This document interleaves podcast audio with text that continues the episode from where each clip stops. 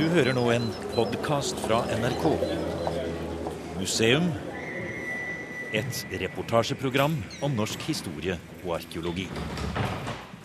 Programmet ble første gang sendt januar 2016.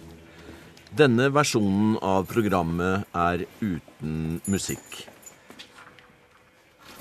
Fins ikke noe annet materiale som på samme måte kan belyse detaljene ved pomorhandelen på seint 1800- og tidlig 1900-tall. Frans Arne Stylegard viser meg stabler på stabler med gamle protokoller som er lagra i Vardø museums lokaler. Det er fryktelig spennende. Det er jo en, det er jo en tapt verden ikke sant? Som, eh, som vi har eh, i form av dette Brodtkorp-arkivet fantastiske kilder til. Museum er i Vardø, og temaet er altså pomorhandelen. I det første programmet som ble sendt i november 2015, hørte vi at russerbuene som står i Kiberg og Hamningberg, nå blir tidfestet ved hjelp av åringsundersøkelser, eller dendrokronologi. I dag skal vi høre museumsdirektøren fortelle om arkivene til handelshuset Bråttkorp. Vardø museum har overtatt protokollene. Det er materiale som vil gi langt dypere detaljkunnskap om den flere hundre år gamle samhandelen mellom Russland og Norge. En handel som nærmest bråstoppet etter oktoberrevolusjonen i 1917.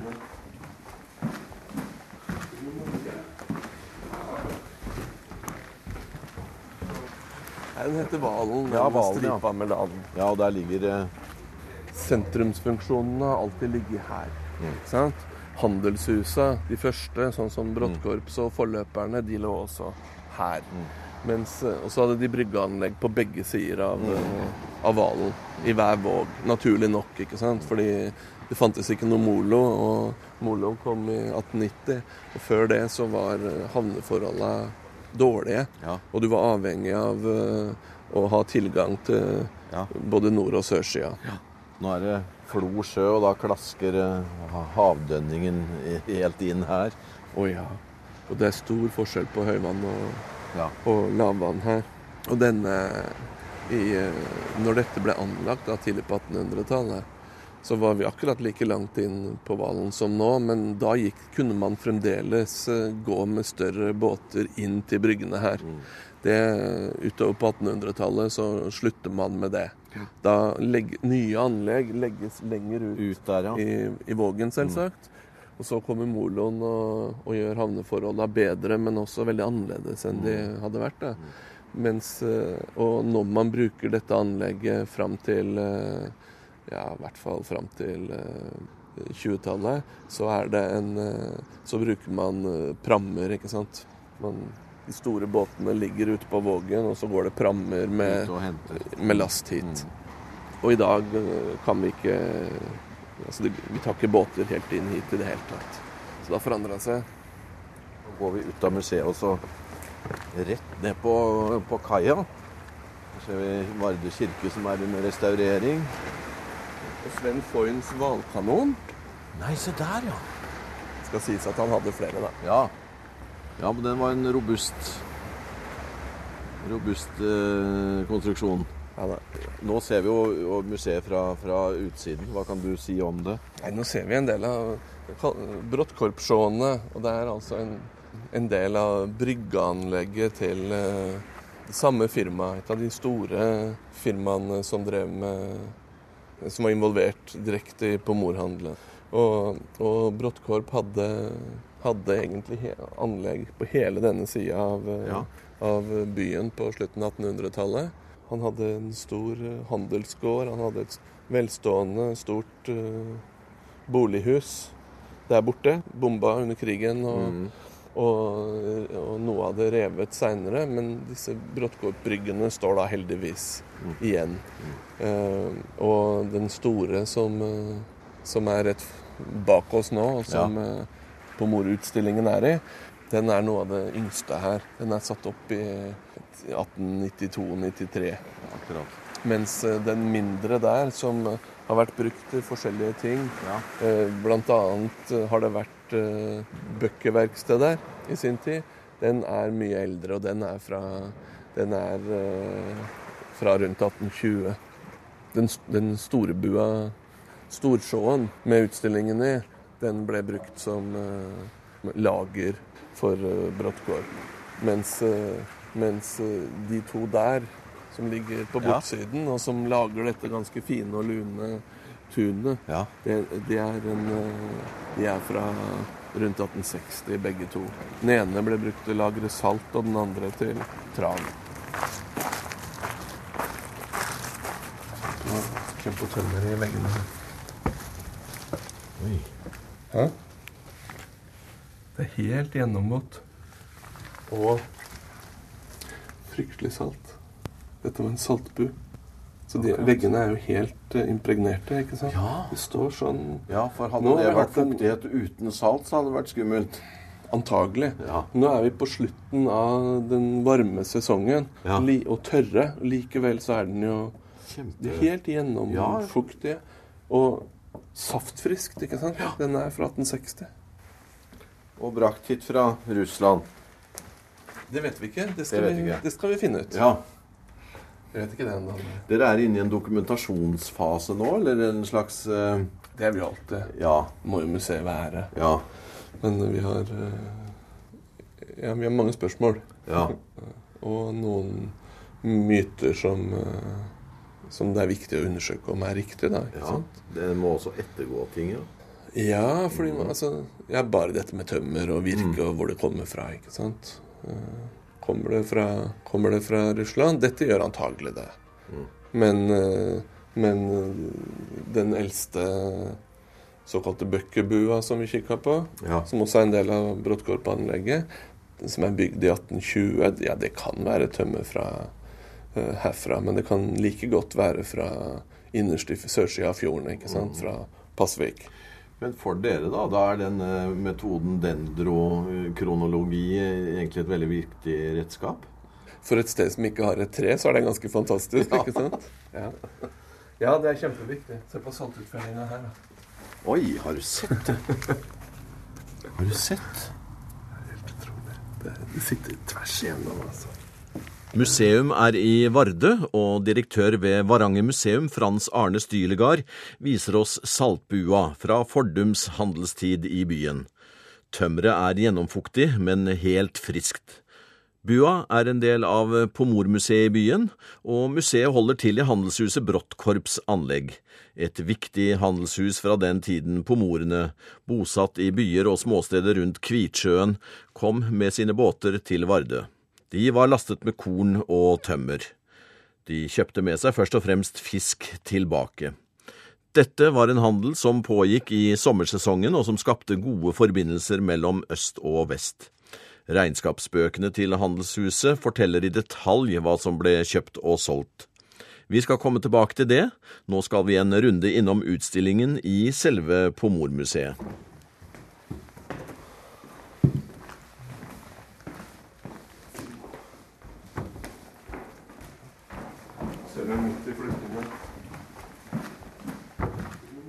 Kulturliv ut av det òg, da. Eh, rett og slett. Ja, ja, ja. Det er klart. Altså eh, Når, når pomorene var her hver sommer, så var de veldig synlige i bybildet. Mm. Eh, fiskere, fiskekjøpere. Det kom en god del russere hit til Vardø og jobba bl.a. for firmaet Brottkorp. Mm. Sesongarbeidere. Ja. De kom de kom fra Russland, og de kom fra Finland. Og de bodde, de bodde tett. Store toetasjes uh, tømmerbygninger med masse rom. Der bodde de. Mm. Flere på hvert rom. Mm. Uh, I denne veldig korte, men veldig intensive sesongen. Ja. Hvor det er lyst hele døgnet. Ja. Og da, da kunne man like godt høre russisk eller finsk eller samisk ja. som, som, norsk i gatene. Eh, man gjorde seg forstått ved å bruke dette pidgin-språket, eh, russenorsk. Eh, man opplevde også helt fram til, helt fram til første verdenskrig, eller til, fram til 1917 og revolusjonen, at det kom russiske munker hit. de kom fra 1500-tallet av til, til, til Vardø. Og vi har, vi har vi har et stort arkiv på museet etter, eh, etter dette firmaet av Brottkorp, hvor, hvor vi bl.a. har regnskap mellom klosteret i Pechenga og Brottkorp, hvor vi ser hvilke produkter munkene kjøper, og hva de, de selger. Og de selger mye multer. Nettopp, ja.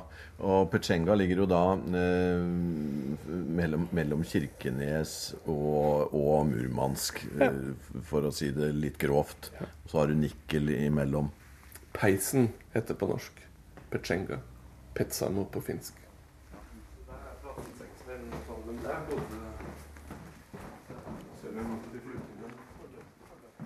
Her er melmattene. Se her, ja. Her er det svære, fine sekker ja, ja.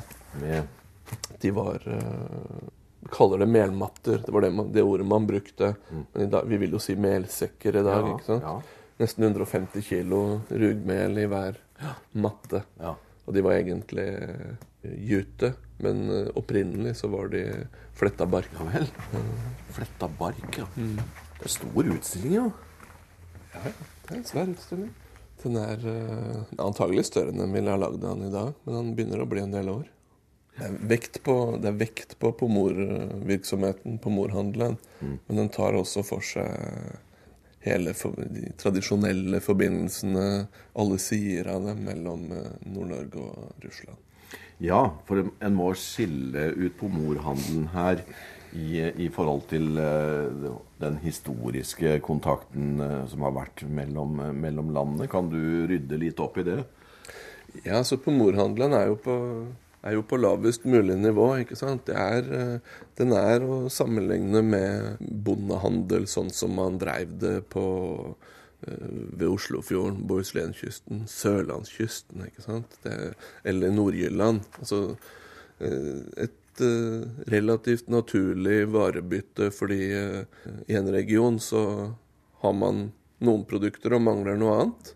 Mm. Her er det ganske åpenbart, her som vi står i Vardø, at her, her er det veldig dårlige vilkår for kornproduksjon. Ja. Eller uh, trelast, uh, ja. skogbruk. Mens uh, i Russland så, de, så, har de store furuskoger, og, og de har elver som uh, som man kan transportere kornene fra innlandet. Mm. Så det er helt, og så er det bare et hav som skiller, og det, og det, binder sammen like mye som det skiller. Og det har det alltid gjort. ikke mm. sant? Så selvgrodd på én måte. Forsøkt regulert og etter hvert uh, veldig regulert, men selvgrodd og den naturligste ting i verden. Altså Det handler om nødvendig varebytte, nødvendig handel, men det ligner jo mer på dette. Altså det, det er jo mer et sånt Hva skal vi sammenligne med? Da? Dagens folk-til-folk-samarbeid. ikke sant? Mm. Har mer til felles med det kanskje enn med, enn med storpolitikk. Mm. Og, og, og, og, denne, denne selvgrodde handelen varte i, varte i, lang tid. Den varte egentlig helt fram til den russiske revolusjonen i 1917. Og, da, og den har et spor i kulturen. Både, i, både, rundt Kvitsjøen og her. Mm. Du, du, kan se elementer av den i arkitekturen. Mm. Eh, det fins eh, rester i språket. Dette, går, dette, finner du hvis du leiter mm. Eh, etter det. Så finner du det også på russisk side. Disse små ja. finnmarkske eller norske innslagene. Hvordan eh, påvirka det det mellommenneskelige her? Fins det noe dokumentasjon på på det? Ble noen bofaste her? Eh, ja, ja. Gifta de seg med ja, hverandre, f.eks.? Ja, selvsagt. Det gikk begge veier. Og det blei jo sånn på slutten av eh, Altså på 1860-70-tallet så, så, ble jo, så ble jo nordmenn ønska velkommen som settlere på Kola, ikke sant? Fordi tsaren hadde et ønske om, om å bosette Kola og den nordligste kysten av Russland, og eh, et ønske om, eh, om å modernisere. Eh, dette skjedde jo på Krim. ikke sant? Det skjedde i alle mm, mer eller mindre nyerobra, eller i hvert fall, i hvert fall tynt bosatte deler av det russiske keiserriket. Og det skjedde også på Nordkalotten. Og da, det, da dro det en god del nordmenn over og bosatte seg der. Men, men foruten den, den type veldig direkte kontakt, så var det russere som slo seg ned bl.a. I, i Vardø. Også før revolusjonen. Etter revolusjonen var det en hel del mm. som, som, rømte og som endte opp her. Men også før så var det, så var det folk som uh, kom fra Russland og ble igjen her. Noen døde her. Her har vi to gravsteiner fra ja.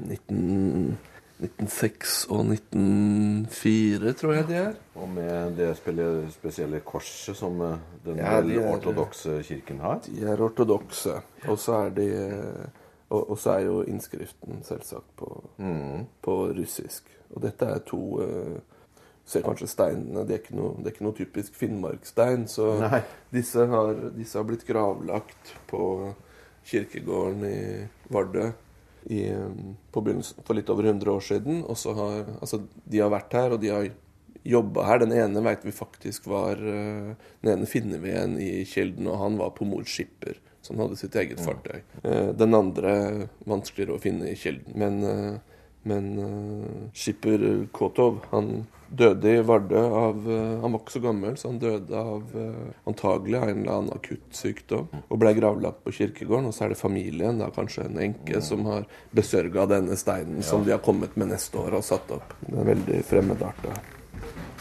Nå skal vi opp til Varde museums administrasjonsbygg for å se nærmere på Brottkorps protokoller, som etterkommere av firmaet har gitt museet. Det er fryktelig spennende. Det er jo en, er en tapt verden ikke sant? Som, eh, som vi har uh, i form av dette Brottkorp-arkivet fantastiske kilder til. Dekker, uh, det er mange hyllemeter. Uh, det dekker fra ca. 1860 og fram til 1930. Eh, og du kan følge ups and downs i, i, eh, i eh, handelen, altså i handelen med fisk. Og, og, du kan følge enkeltpersoner, du kan følge familier, du kan følge landsbyer, du kan følge skip. Du kan følge konjunkturer. fantastiske ting. Du kan nærmest se sjokket i Først når handelen går ned pga. første verdenskrig i 1914 Særlig i, eh, i 1917 med først en og så en revolusjon til. Eh, du ser det i regnskapsbøkene. Brodtkorp han fører inn debet i eh, de første åra, 1917, som om lite skulle ha skjedd. Han tar det for gitt at dette, dette går seg til. ikke sant? Eh, 1918 og 1919 det føres, men du kan ane desperasjonen. I, eh, kommer fram til eh, 23. 23 så, så slutter han å føre Altså Da fører han ikke bøker på de han da ikke har sett på snart ti år. ikke sant? De er velkjente skipperansiktene. Eh, og da går han over til å, å prøve å få eh, erstatning. Eh, og, det på, og, det gjorde også den norske staten. ikke sant? Og det pågikk i en periode. I 1929 så er det, så er det også slutt. Mm. Da, er, da, da, står det ingenting lenger i Da er det andre ting i, i arkivet, og da handler det mest om, om eh, Vardø og egentlig avviklingen av hele firmaet. Før vi fortsetter med detaljene fra regnskapsbøkene, skal vi gjøre et lite intermesso. På en tid var det faktisk mangel på fysiske penger i nord. De manglet altså betalingsmidler. Det ble det en russisk eh, løsning på. Det, er, det var jo snakk om byttehandel, men, men, det må jo være noe penger i, i omløp her òg? Ja, penger i omløp, men kanskje ikke det du skulle tro. Nei. Dette er en, en russisk uh, femkopek. Ja. Som er en ganske liten skillemynt, ikke sant? Men du ser den er, den er. Den er det dobbelte av en gammel femkrone og tre ganger så tjukk. Den er veldig stor og tung. Og den, dette, er da, dette er et uh, metalldetektorfunn fra, fra, Troms.